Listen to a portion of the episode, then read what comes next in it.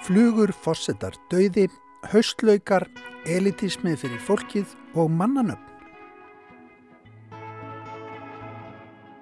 Já, flugur, fossetar, dauði og tilgangsleysi lífsins, takk fyrir það. Allt þetta verður á Dasgrá Víðsjár í dag og meira til Halla Harðardóttir, hún reyfjar að gefnu tilefnu þátt flugunar í listasögu Vesturlanda en e, það var víst um fátt annað talað en flugur Eftir kappræður var að fórsetta efna bandaríkjana í síðustu viku meira um það í viðsjá í dag. Herman Stefánsson, rittöfundur, flytur í þettinum pistil undir yfirskriftinni Elitismi fyrir fólkið. Hann velti fyrir sér líðræði á pláutímum og rínir meðal annars í lagaheimildir sóttvarnalæknis, spáir í sögu og samspil líðræðis og einræðis á fyrir hluta 20. aldar og hugar að samfélagsleiri helgi. Mannanöfn koma við sögu að gefnu tilefni í Víðsjá í dag hversu stór hluti af manni er manns eigið nafn. Væri gott að heita til dæmis eitt í dag og eitthvað allt annað á morgun. Skiptir nokkru máli hvað maður heitir. Tja, svo lengi sem maður er ekki uppnemdur út í það óendanlega. Meirum það hér rétt á eftir. Við hugum líka að myndlistarsýningunni Haustlaukar 2 sem að fer fram víða um höfuborgina þessa dagana en í annað sinn efni listlasa Reykjavíkur til samsýningar undir þessu heiti á nýri myndlist í almanarými. Hlustendur heyra í þremur þáttangandum á síningunni. Já, svona verður viðsjá 5. daginn 15. oktober sem að kuð vera alþjóðlegur dagur dreifbíliskvenna en það er önnur saga.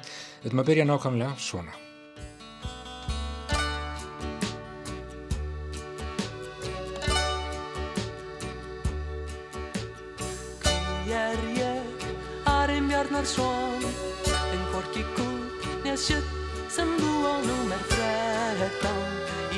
Sömu guð og ég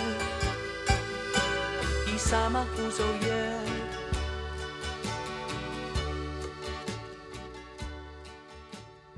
Hvað heitir þú, drengur minn? Ég heiti Gunnar, Einar, Hlújár, Hlöðver, Daniel, Tímon, Valentínus, Flóvent og ég er sjött. En þú mátt kalla mig Danna. En þú, stúlka mín, hvað heitir þú? Ég heiti Íkea Þjöl Mattildur Jósefína Brittnei Salome og ég er Líndal en þú mátt gerðan kalla mig Sölu. En þú drengum minn, hvað heiti þú? Ég heiti Nikolás Randver, Herbert, Gulliver, Miskin, Þorkjell og ég er Ormsson en þú mátt kalla mig Kjella en þú stúlka litla, hvað heiti þú? Ég heiti Katla, Esja, Pamela, Þurriður, Þoka, Sigriður, Skrúfa og ég er Blöndal en þú mátt kalla mig Beyoncé.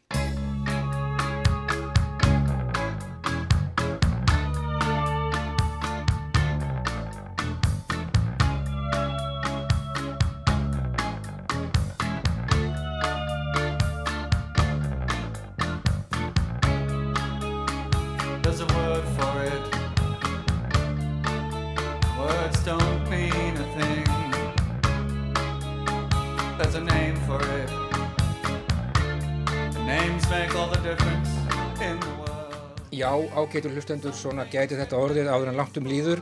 Ef ný lög um mannanöfn verða samþygt á alþingi. Samkvæmt þeim þá má skýra börn eins mörgum nöfnum og menn vilja. Og það verður sömulegis engin ástæða til að kenna sig við föður eða móður. Þetta er ágætt og um, ekki síst fyrir það fólk sem vil alls ekki láta kenna sig við foreldra sína af einhverji ástæðu Það var viðtali í sjómansfréttum um daginn við konu sem er nákvæmlega í þeim sporum. Hún ætlar að taka upp ættarnafn þegar nýju lögin taka gildi og uh, halda nafnaveyslu þegar það að kemur og uh, það er gott. Frelsið er ekki aðeins gott, það er líka indislegt. Það er reyndar hefð fyrir því að heita mörgum nöfnum sjálfur óðinn hétt, ekki bara óðinn heldur líka alfaðir, valfaðir, bölverkur, síðhöttur, vegtamur, grimnir og herjafaðir svo eitthvað sé nefnt Og sá góði drengur Loki Laufiðarsson, hann bar einning mörg nöfn sem sína fram á það hversu margræður, slingur og slægur hann var. En hvað heiti maður eiginlega? Hversu stór hluti af manni sjálfum er nafnið? What's in a name? Hvað er í nafni? Er spurt í skáldsöfni Ulysses, Odyssefi eftir ískariðtöfundin James Joyce.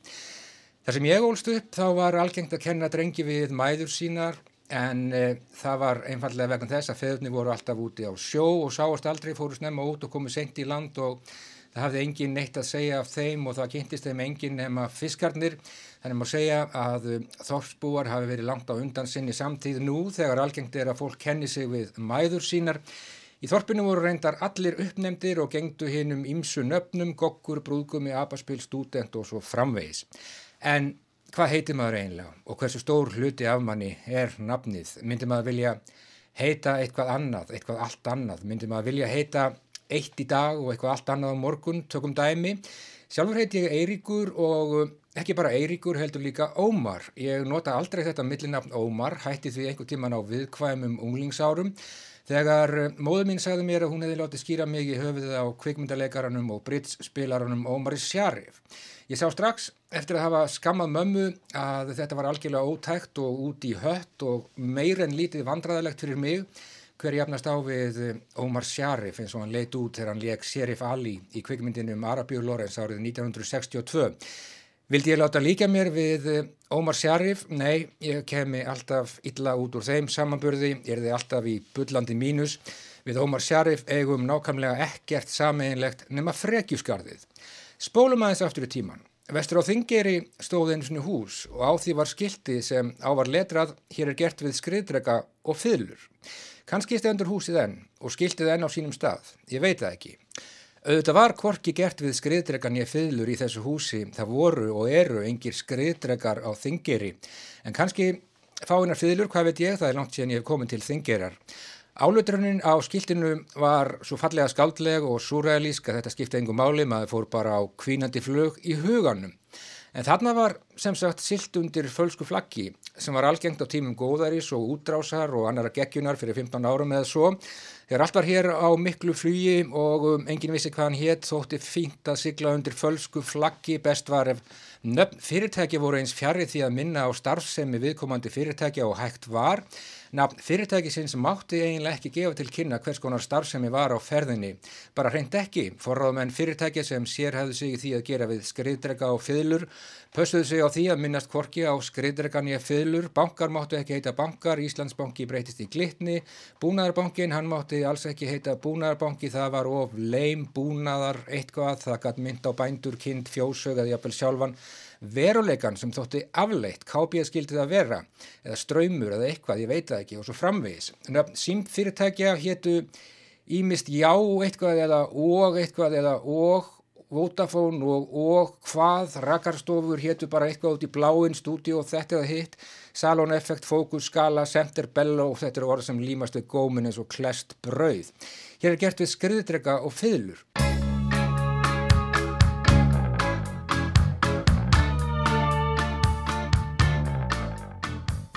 En hvert er ég eiginlega að fara með þessar upprýfun? Á hvaða glötunarinnar vegferð er ég eiginlega?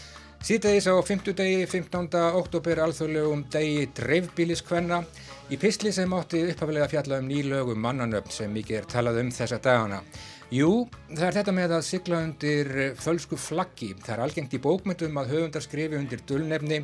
Stundum er það einfallega vegna þess að þeir vilja vera í felum og ekki láta að kenna sig við eigin verk Stundum ræður sköpunargleðin hins vegar einfallega ferðinni. Það getur verið reglulega gaman að bregða á leik.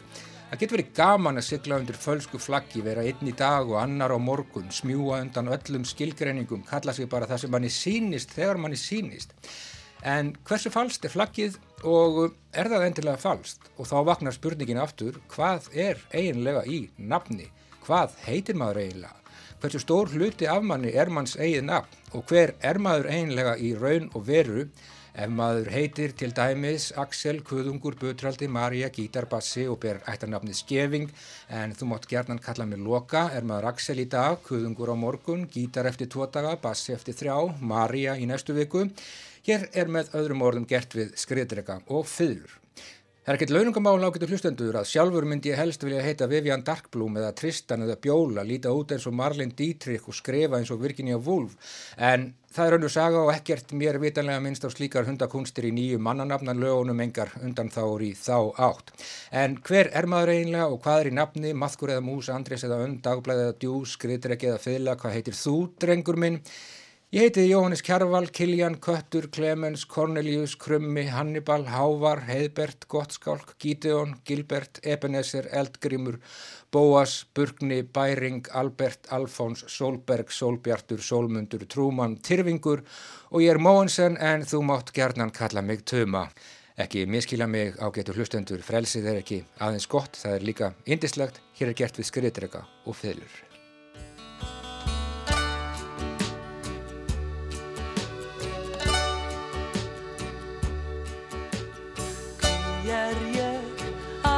Bjarnarsson En hvorki kút neð sjutt sem þú á númer þrettán Í sömu guð og ég. Í sama hús og ég.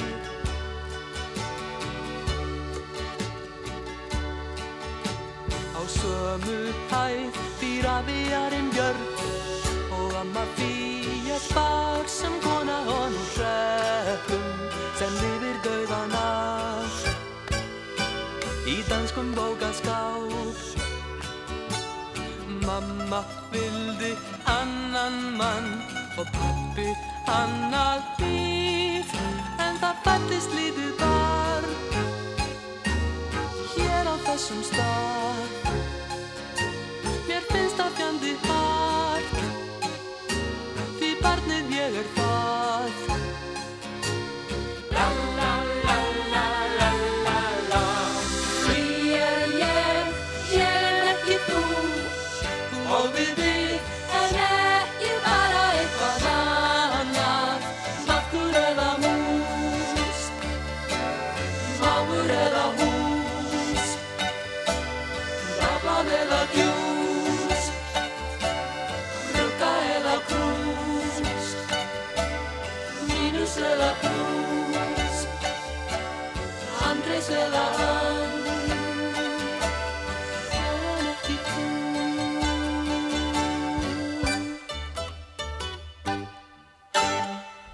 Já, hver í fjáranum er maður einlega, dagblæð eða djús, maðkur eða mús, andrés eða önd og uh, hvað fælst í einu nafni.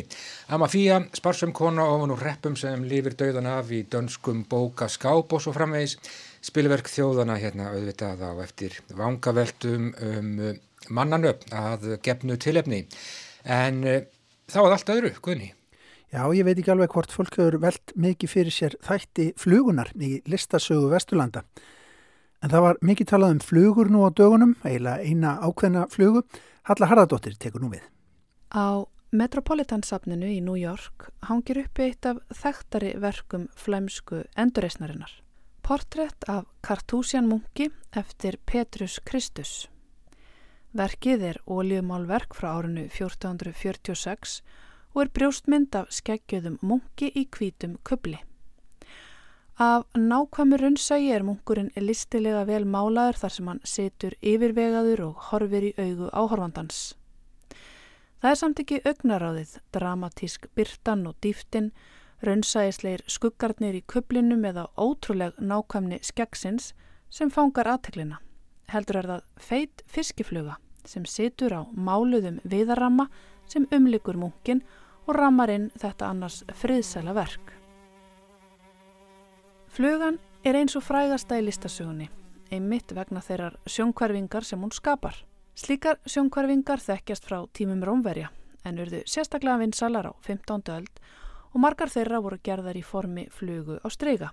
En flugur á strega voru ekki einungis gerðar til að blekja eða trubla áhorfandan og sína um leið einstaka hæfni listamannsins, heldur gáttu þar einni verið tákn og oftar en ekki táknar flugan hverfuleika tilverunar, dauðan eða jafnvel djöfulinn sjálfan.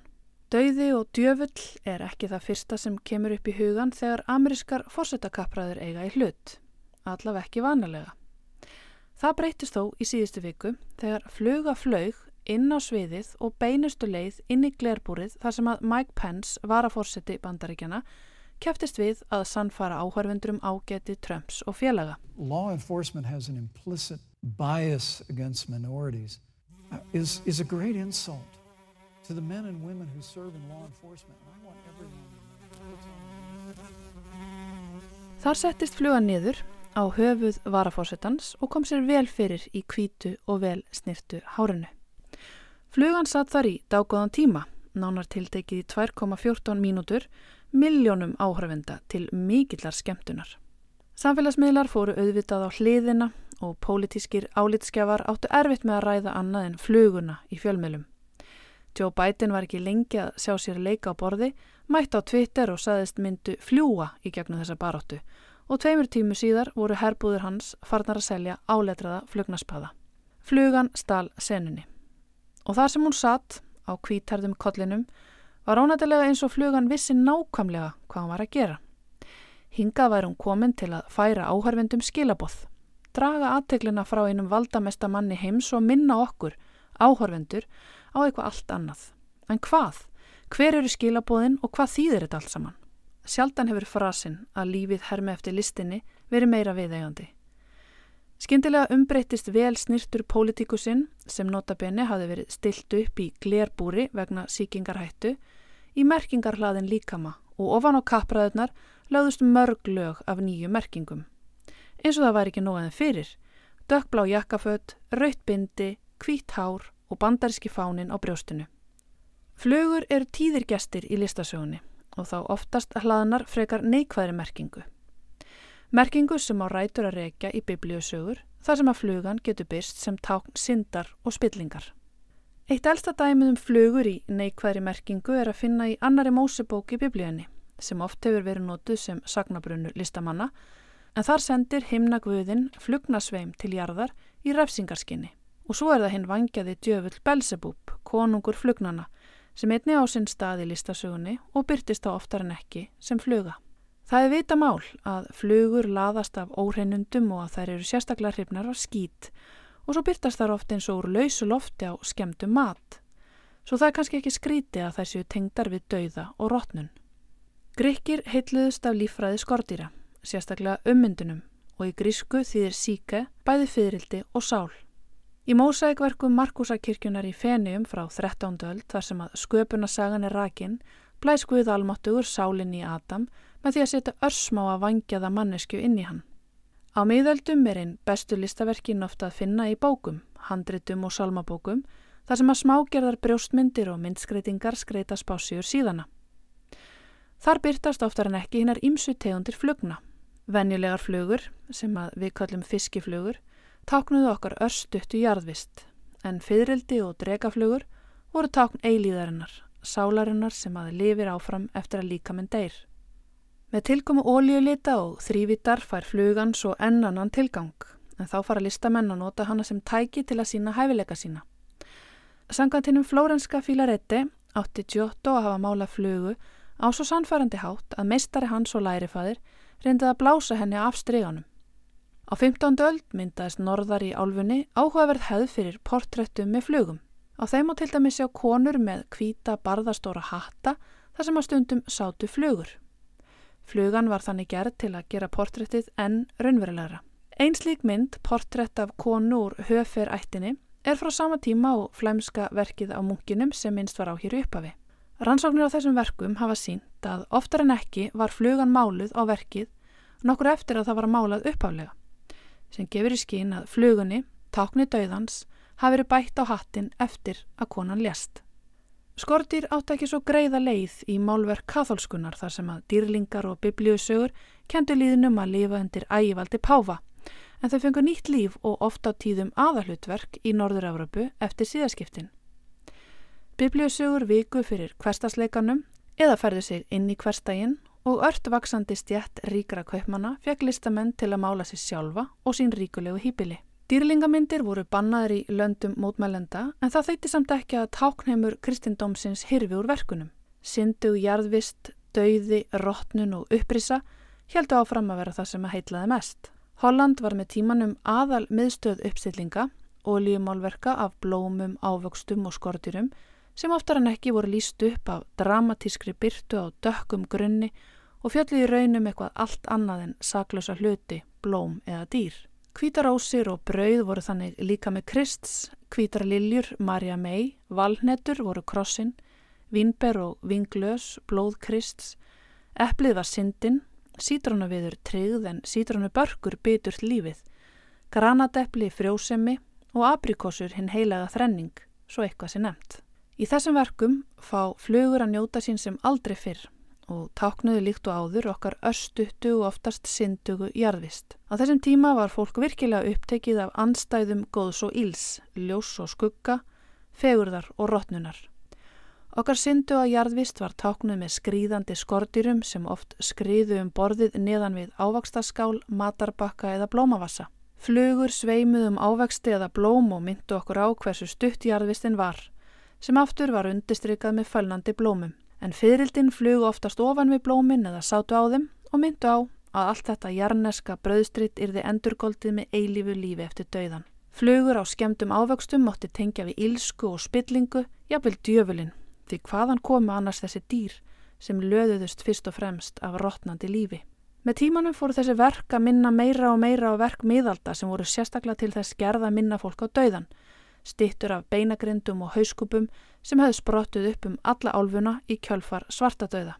Þessi áhersla á dauðan og tilgangsleysi verallera gæða varð æsterkar í uppstillingunum, sérstaklega í Hollandi og Norður Evrópu en breytist svo út um alla álfuna. Hefðinu kallið vanitas, orð sem dreyið er af latnesku orðinu vanus, sem þýðir tómt og vísa þannig innantóma og tilgangsleysa jarðvistina. Nú voru það ekki bara skordir, flugur og vissnuð blóm sem táknuðu stutta, jarðvist og fallvaltleika lífsins, heldur voru það einnig hauskúpur, útbrunnin kerti, stundaglös og sápukúlur sem bættust við táknum kristninar.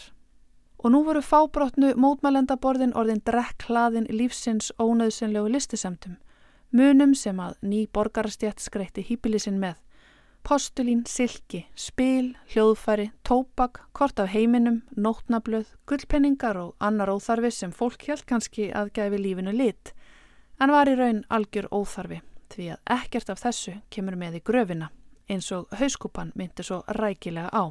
Á baku gardínur eða innflutta dúka gáti líka leinst apar sem höfðu sama djöfulega hlutverki að gegna á flugan.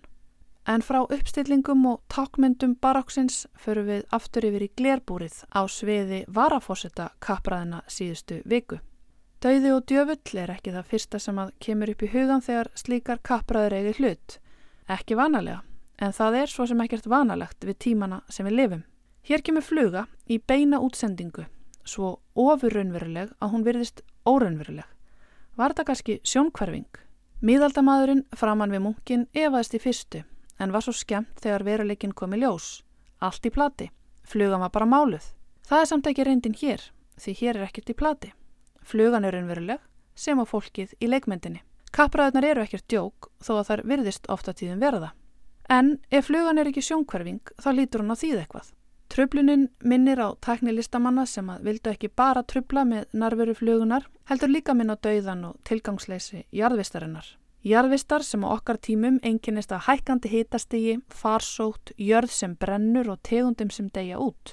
Hljómartaldið eins og biblíusaga og ekki síður að við hendum inn í söguna verðandi valdtöfum sem hafa undir þessum kringustæðum, lítið hana til málun að leggja en svarkvita orðraðu góðs og íls.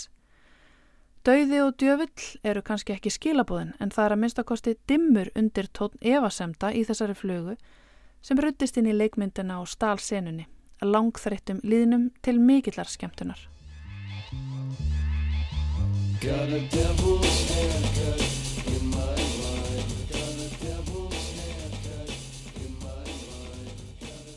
Halla Harðardóttir og flugurnar, forsetarnir, dauðin og tilgangsleysi lífsinskorki meira nefnina. Hér í Víðsjá í vetur í henni svo kalluðu fyrstu bylgu koronavirunar þá skiptum við stundum hérna frá Hjardarháðunum niður í miðbæ. Nána tiltekki niður á Bjarkarstíg þar hefði Herman Stefánsson réttufundur komið sér upp litlu hljóðveri og um, sendið okkur pistla þaðan. Herman er uh, ekki af baki dottin, allar snúrur en í uh, rífandi sambandi hjá honum. Í dag tökum við upp þráðin, Herman talar um líðræði, elitisma fyrir fólkið, samfélagslega helgi og um, öruglega margt fleira.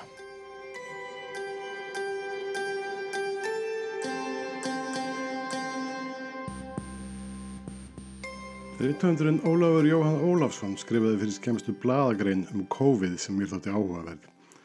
Eins og fara gerir um bladagrein varð ein setning fleg og var svona Akademískar hugleðingar um frelsi eru best geimdar þar til þessi pláa er gengin yfir. Þó talsverðan þrætu vilja þurfi til að agnúast út í önnur umföllunarefni greinarinnar sem inni heldur auðvitað fleiri setningar getur fólk auðvitað verið ósamlega á því að núna sé ekki tíminn til að ræða frelsi. En ég ætla ekki að vera ósamlega neinu. Ég finnst Ólafi Jóhanni þvert á móti láta vel að handla erfiða tóntegund, tóntegund yfirvegunar, tóntegund sem stappar í fólk stálinu, skýrir alvöru máls en er hugreistandi um leið. Í það minnst að það er tónt mál að tala um frelsi einstaklingsins til að smita annað fólk af hugsanlega bannvænum sjúkdómi. Höldumst í hendur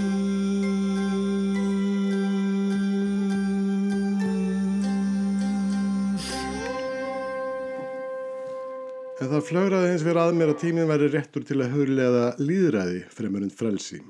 Og til þess að huglega líðræði þarf kannski fyrst að átta sig á fáinnum staðrendum. Einn þeirra er svo að í líðræðis ríkjum gilda lög sem heimila einmiskonar skerðingu á frelsi. Þar meðal eru sótvarnalög. Þau eru svolítið merkilega lesning. Ég veit ekki hvort allir hafa staðið klárur á þessu nema ég en brot á sótvarnalögum eða reglum sem settar eru sangvann þeim getur varðað fangelsi alltaf þremur mánuðum.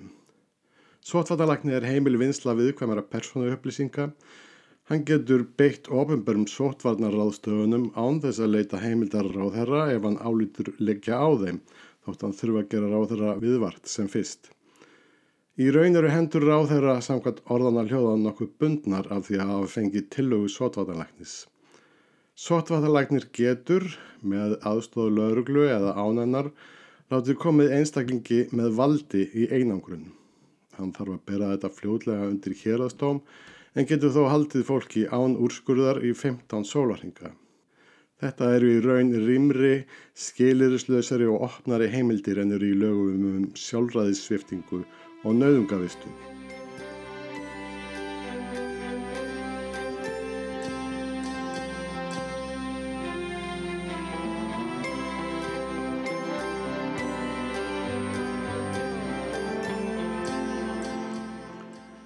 Þórólfur Sottvatalagnir, þessi viðkonulegi náðungi sem tekur allri gaggrinni með stóískri ró og svara með rökum, þessum telja að Þórólfur og hans fólk hafi gengið allt og langt og skert frelsið fram úr öllu hófi, þeir sem vilja fá að hosta á annað fólk í friði þar sem þeim sínist, þessi séu kannski hálf slói, gætu kannski velti fyrir sér að Þórólfur hefur faktist lagaheimildir til að leta stinga þeim fyrirvarlust í grjótið ef hann sér ástæðu til og býður svo við að horfa. Þá vaknar svo spurning hvort það sé líðaðislegt að maður sem er ekki kosin af þjóðinni hafi svo mikið vald. Tja, það er í það minnst að svo líðaðislegt að það var meira hluti almennings sem kaust Þingheim sem setti laugin sem tóku gildi árið 1998 og endtaka breytingar gildi í janúar 2021. Þannig virkar þingræði eða fulltrúalýræði. Þjóðin velur fólk sem setur lög. Marst af því sem ákveðið er af þeim fulltrúum er reynlega of flókið eða of langsótt til að almenningur hafi tíma eða yfirleitt löngun til að setja sig inn í það. Hver satt heima hjá sér og velti fyrir sér hugsalegum heimsfaradrum árið 2000 þegar þingi var að sísla við sótvartanlög? Ég þóra fullir það að það eru ekki fleiri en tveir íslendingar uppi í dag sem hafa almennilega skilning á búvörulögum og búvörusamningi. Ég er sannlega ekki annar þeirra. En til að svara spurningu um líðræði af einhverju viti þarf að ganga til því að líðræði og líðræði er ekki sami hluturinn. Ekki bara eru kostningakerfi svo kallar að líðræðisríkja ger ólík Saman ber til dæmis bandaríkinn, kostningarétt og samiki hans við fangelsistóma. Heldur eru til fyrirtæki á borði Cambridge Analytica sem hafa nýtt sér miklu meira gagd persónu greinanleira upplýsinga en nokkur þríeiki geti órað fyrir að komast í námynda við samkvæmt nokkrum lögum og án nokkur svafa hafa nýtt sér þar til að hafa áhrif á úslit kostninga. Þetta eru upplýsingar sem við öflum með sjálfsnjóstnum og gefum svo Facebook með hverju reyfingu, hverjum smelli á hvern hlekk og hverju læki. Þannig er hægt að sikta út einn einstakling og stjórna því hvað hann sér. Samkvæmt nýri heimildamitt á Netflix, The Great Hack, er Cambridge Analytica beinleinis ábyrgt fyrir bæði Sigrid Trump og Brexit og í henni eru viðtöl við fólk sem vann við þetta. En nýri heimildamind The Social Dilemma byrtir enn ísjárverðari mynd af líðræði á tímum tækni sem áhaldur um hvort mannsheilin ráði yfirleitt við. Á þessu þó að svo mynd sé neitt svartagalsraus eða einfaldanir, þar talar einnig fólk sem vann við þetta. Maðurinn sem bjóð til læktakkan en hefur séð sig um hönd. Og félagsmiðlafræðingur sem lýsir tækni ásæðinu sem í senn dystopíu og utopíu annars væri það ekkert hættulegt. Áhyggjur af líraði eru ekki sögulegt einstæmi. Full oft er vísað í Þískaland nazismans. Þegar fyrri heimstyröldin bröst út voru sett herrlaug hvarvetna. Clemenceau reyði öllu í Fraklandi, Lloyd George í Englandi og Wilson í Bandaríkonum. Þeir gerðu fátt eitt nema eftir tillögum herfóringa sinna. Það er ákvarðanir voru ekki borðnar undir kjör þingheims, hvað þá almennings. Það er þó ekki fyrir en eftir stríð að allræði fyrir að breyðast verulega út á Vesturlöndum og ekki aðeins vegna stríðs og efnags erflika heldur einnig líðræðis þreitu, vonbreyða með óhæfi þingstjórna. Franklin D. Roosevelt lýsi því yfir í einsetningaræðu sinni árið 1933 að hann íhugi að taka sér einræðisvald sem fósetti. Við gífurlega fagnagalæti en það hafðu stöðningsmenn þrist á hann að gera þetta. Árið 1929 tók við einvaldskonungur í Júkoslavíu vegna hörmulegra reynslu af þingstjórn. Konungseinræði kemst á í Rúmeníu 1931. Primo de Rivera verður margt einvaldur á Spáni 1923 og svo Franco 1939. Í Pólandi verður Pilsudski ennvaldur að heita má 1926 og skiptir ráðhörum út oftar en Trump. Rúslands þarf ekki að geta. Mustafa Kemal kemst til valda í Tyrklandi 1922, sama ár á Mussolini á Ítalju. Dolfus lokar austuríska þinginu og tekur sér allræðisvald 1933. Allt þetta einræði var gætnan að vilja fólksins. Þegar til kastana kemur, kvarlar ekki að neinum að láta kokkin og messaguttan stýra skipinu gegnum olgusjó en ekki skipstjóra. Í líðræðis þreytunni á fyrirluta 20. aldar þóttum mörgum blasa við svo valnauð að einu valkostennir við hefð minnkallaða fulltrúðalýraði eða þingræði væri einræði, fasismi og kommunismi. Aristoteles lísti því enda sem svo í fornald og lögmál stjórnmála væri að í kjölfar líðræðis kemi harfstjórn, eftir það höfðingjastjórn og því næst aftur líðstjórn á ný. Það þarf svo sem ekki að vera lögmál. Marg oft í sögunni hefur verið við líðir frjálslind blanda af höfðingjastjórn og líðstjórn, líðræði án stjórnmálaflokka og líðræði án kostninga í núverandi mynd. Hugarflíginu er engin takmark sett hér kemur að hugleðingum um líðræði.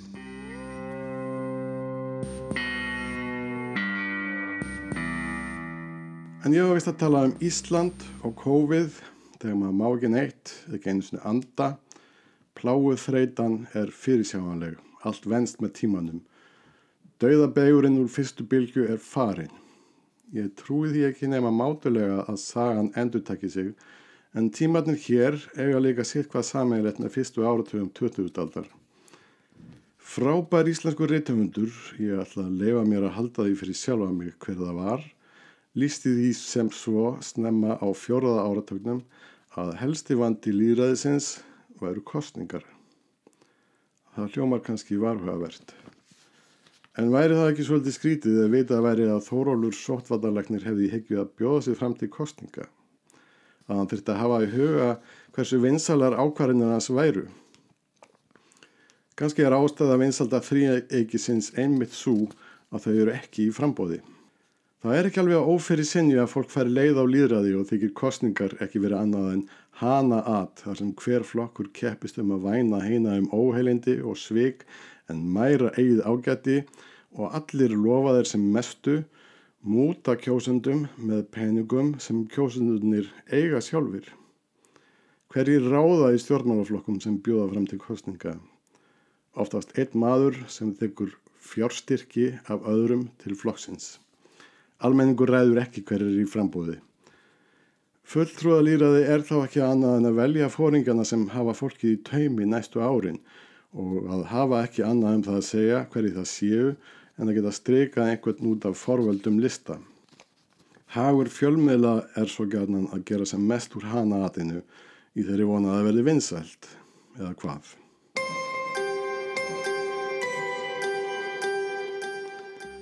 Annað sem sam samtímin á sameinlegt með fyrstu áratöfum 20. aldar eru umröður um stjórnaskrá. Ég ætla ekki að rekja söguna. Feneiganemdin hefur í dag sitt hvaða aðtuga við núverandi drög og álítur að gefa þeir við íslensku þjóðinni sannfærandi skýringar á öllum breytingum frá tillögum stjórnarraðaráðs 2011 en það voru þær borðnar upp í ráðgefandi þjóðráðkvæðagreslið og samþygtar sem grundvöldur nýra stjórnaskrár. Ég regt það ekki heldur. Mér langaði hins vegar að benda á rituelst gildi stjórnaskrár í Lýraðisríki. Þegar vinsall konungur afhendi stjórnaskrá á sínum tíma var það rituel, helgiaðtöfn. Þegar þjóðinn samtitt í stjórnarskráð 2012 hafði það líka rituelst gildi. Umbóði kom ekki frá konungi og guði heldur þjóðinni. Yfir því er ákveðin helgi.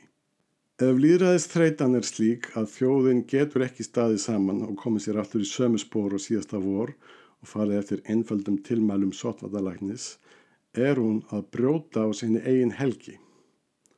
Það má minna á að forvísmenn líraðishugmynda hafði ekki alltaf sömu hugmyndir um kostningar og kostningarétt. Þannig áleit John Stuart Mill ótægt að fólk sem kynni ekki að lesa og skrifa hefði kostningarétt. Fólk sem er svo grímulust ófært um að setja sig í spór annara að það getur ekki látið ógert að tefla lífi náangans í tvísinu með því að hóstaframennigan er ekki tægt í mannlegu samfélagi. Við eigum að sína samstöðu, við eigum að haldast í hendur, kannski ekki bóstalegri merkingu en í rituelskri merkingu. Haldumst í hendur þanga til sólinn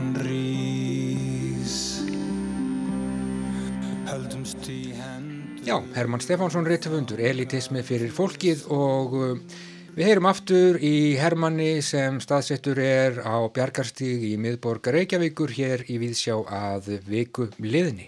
Þá heldur óvenjulegur kór leggið við hlustir.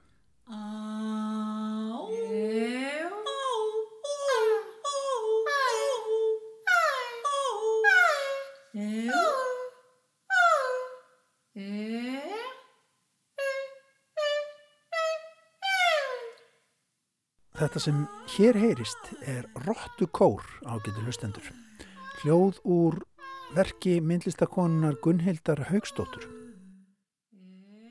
Rottu kórin er hluti af samsýningunni Haustlaukum 2 sem að framfer víða um borgina þessa dagana þó að annars sé rólegt í myndlistalífinu á höfuborgarsvæðinu. Sýningar marga hverjar innan dýraða minnstakosti lokaðar fyrir gestum. En í annarsinn efnir listasab Reykjavíkur til samsýningar á nýri myndlist í almanarými að hausti. Verk átta listamanna byrtast okkur í haustlaukum að þessu sinni og fjölbreyttan og nýstarlegan hátt víða um Reykjavík og í sameinlegu rými borgarana og líka rými sem að tækni samtímans býður upp á. Gjörningar, ingripp og uppákomur, haustlaugarnir skjóta rótum víða og spretta upp við óvendar aðstæður.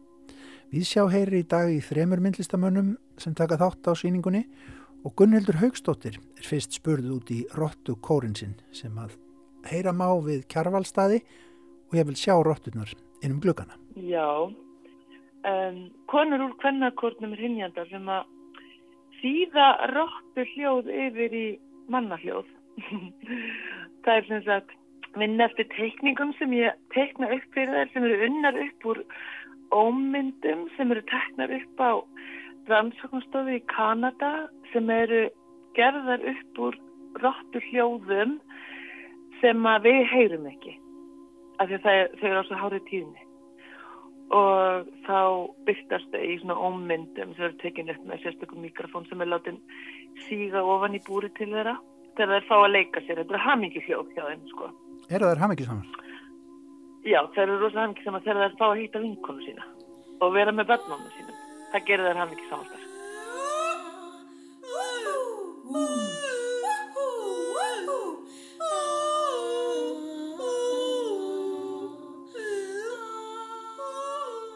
Sko, hvaðan kemur áhugðin á, á, á þessu tungumáli?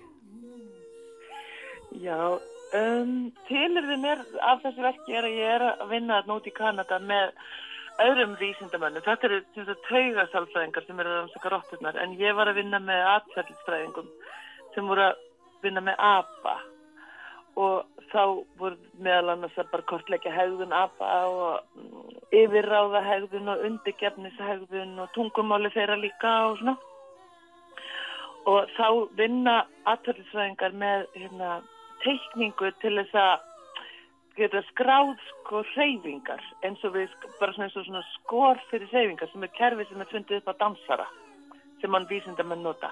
Þetta, þetta er eitthvað sem ég hefur rosa áhuga á. Hvernig hreyfing og hljóð, hvernig teikning getur orðið hljóð eða hreyfing getur orðið teikning í einhverju svona kerfi sem er til, sem er búið að búa til. Þetta er svona hlu- hluti sem ég hefur rosa áhuga að vinna með og er búin að vinna með lengi bara. Og þannig í gegnum það, að þetta kerfi sem heitir Æskól Vækmann kerfi og það er bara einn maður eil í heiminum sem er flúandi í því.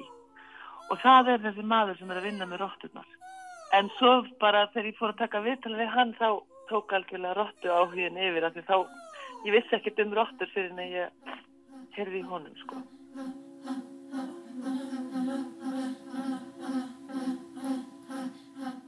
Hvað eru rótturnar að, að tala um? Sko, já, þetta er svona ákveðna hreyfingar sem það gera og það er ákveðin leikur, svona samkvæmisleikur sem það leika, sem að þeim þetta er rosalega gaman að leika. Þeir fá alveg bara oxytocin og dopamin alveg flæðir um þær þegar þeir leika sér þessum leik. Þannig að þetta veitir þeim alveg gríðalega ánægju. Og þetta, þær er að segja svona eins og nú er komið mér, þú veist, þær skiptast á að setja trínu í nakkan á hver annar til dæmis og þá, þegar þessi einn setur trínu í nakkan á henni þá fyrir hún að hlæja rosa mikið, það er kallað trill það er, svona hlátur ánægi hljóð. Og svo kemur svo hættur hún að hlæja og segja nú koma mér, nú koma mér þá skipta þær. Þá fyrir hinn að hlæja og nú koma mér. Og svo, svo eru svona tillökunar hljóð sem að á meðan þeir eru að býða eftir hvað annari og já, þetta er það sem þeir eru að segja. Nú koma mér, nú koma mér. Glökk, það er glökk að hvora aðra Sko þetta gæti ég trúið að segja okkur eitthvað líka um bara þá sem að hlusta á og, og horfa á okkur þar að segja. Já, einmitt. En við erum ekki með 16 hljóð til að tjá á, ánægju og hamingju. Við erum alltaf að ræða það bara. en ég er mjög glöð. Um, já, þannig að, já, ég veit ekki, þetta, þetta, er, þetta er það sem það er að segja, sko. En svo sem þetta fæ ég þetta í tekníkum og það er náttúrulega það sem ég hef svo mikið náhuga. Það eru að snúa svo tekníkunum aftur yfir í hljóð fyrir okkur og þá úrverður þetta tónverk. Það var flutt á dögunum í, á kjárvalstöðum og, en síðan getur fólk komið þangað og, og svona upplifa verkið, ekki satt? Núna, þó að þú sér eiginlega lokað. Jú, jú, þrátt fyrir að þetta er náttúrulega bara svona út, útilist eða þannig, maður getur komið í parti á kjárvalstöðum og þá getur maður séð rótturnar sem eru inni, sem eru upplýstar á nóttinni líka, þannig að maður getur alveg komið aðna 24 tíma sólarhing og hlustað. Haraldur Jónsson hefur líka útbúið hljóðverk fyrir haustlauka síninguna. Verk sem að sprettur fram þegar minnst farir. Hann kemur því fyrir í borgarbókasöpnum í Kringlunni og Gróvarhúsi og líka á Eðistorki. Þetta er á þremur stöðum í jafnmörgum sæðisnumurum. Segðu mér hans svo á þessu verki. Þetta er hljóðverk og hérna sem ég hef alltaf gert tölvist af og, og hérna ég ákvaða að finna staði svona, svona millirými, svona einhvers konar hérna einskísmanns lönd í, í borgarlandslæginu. Hans að verki kviknaði nú fyrir þá okkur síðan en, en hérna til þess að setja í ofnbætt rými og búa til uh, hvað skal segja, hérna, þetta hljóður sem eru finn samhljóm, eru náttúrulega inn, í- inn í okkur öllum. Já, kallast á við einhverja tilfinningu sem við, við þekkjum öll. Og þetta verk er sem sagt, uh, það er nú stutt og laggott, en, en hérna er á, ímist á korters stundarfjörungs eða hálftíma fresti. Ég nú, mælum við mót við síningagestin eða vegfærandan, þannig hann getur þá nöfnum staðar og, og, hérna, og beðið og, og þeir sem hafa, hafa beðið lund og, hérna, og hætta að býða og eru bara fara að nema staðin, nú eru bara hérna, hljóð, hljóðkverfi staðarins, þessi hljóð sem eru nú, einnkjana hvert stað, þá hérna, umleiðum, eins og við þekkjum, umleiðum að hætta að býða, þá gerist það.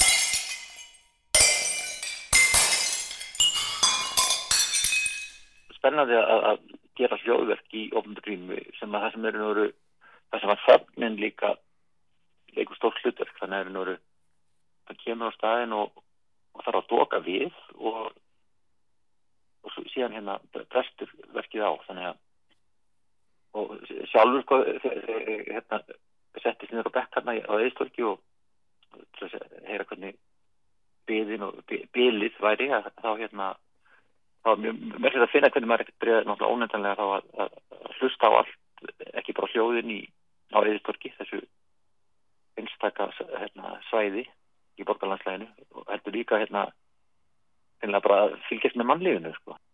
það verður eitthvað svona umbreyting eða eins og hérna allt í var eðistork mjög persónatíft við, við bara það að nema staðar og fylgjast með og býða eftir býða eftir upplifuninni þetta er svona, svona mjög svona núvitundarlegt verk. Ég veit að segja þessu svo það er gaman að því að ég var að hérna, pröfu að gera verki bara í, í tölfunni þegar, þegar ég var búin að vinna það. Þá hérna uh, spilaði ég fyrir eins á skamlansson minn og hún er brá sko, þegar hann heyrði það fyrst. En síðan hérna bröst út tömvis gleði þegar hann heyrði það ofta, ofta, ofta sem hann heyrði það og mér fannst það svona mjög hérna eitthvað sem ég ræði upp með í raun og veru áður þegar ég fekk hugmyndina. Það er ég raun og veru þegar hún fangaldaðist hvort að nota ungviði sem svona, svona skinnjara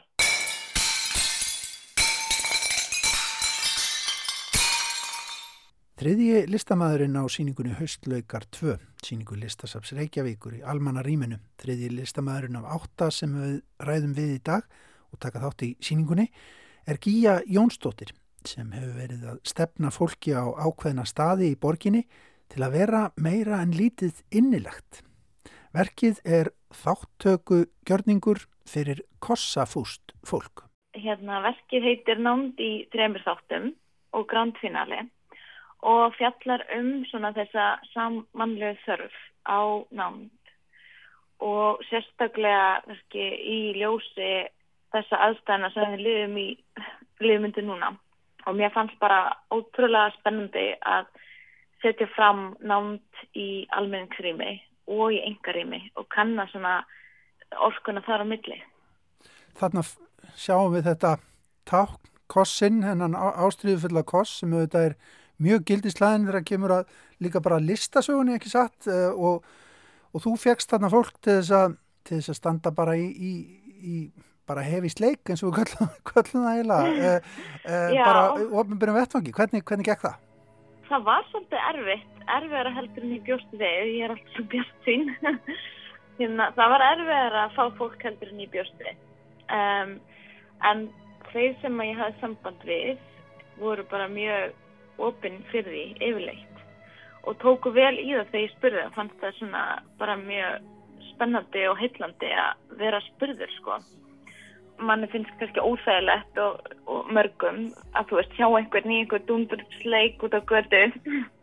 En mér fannst bara ótrúlega spennandi að setja þetta fram einmitt bara til þess að sjá bara og bara spyrja okkur spurninga af hverju finnst það okkur óþægilegt að sjá fólk í svona gjörð út á götu? Og þetta má hér á öðrum stöðum í heiminum er þetta ólöglegt þú veist, af hverju er það hvað bara, þú veist, er, þetta er svo ótrúlega gildislæði og svo líka bara í, einmitt, í ljósi COVID og svona, þá er einhvern veginn þessi snerting orðin algjörlega eitthvað sem er hérna óleifilegt þannig að, en við getum alltaf hann að gesta með okkur nánustu. Þannig að, og út á götu þá getum við gert það með okkar nánustu.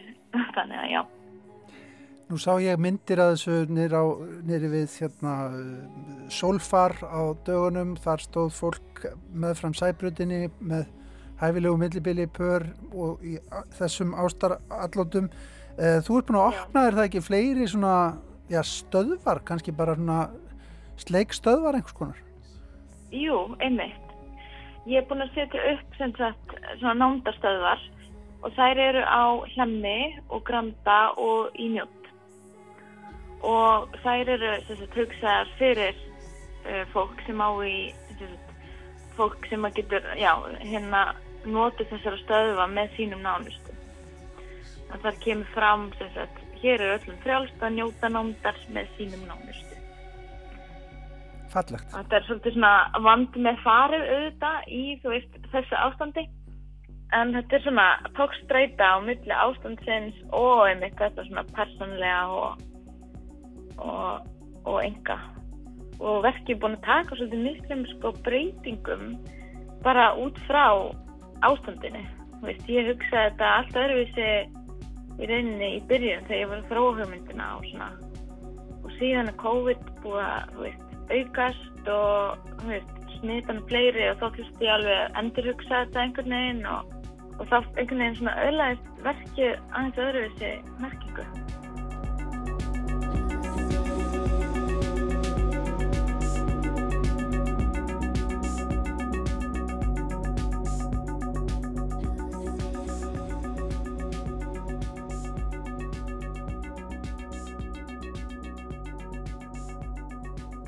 Haustlaukar 2, síningum allan bæ á vegum Listasaps Reykjavíkur í ofinberu rými.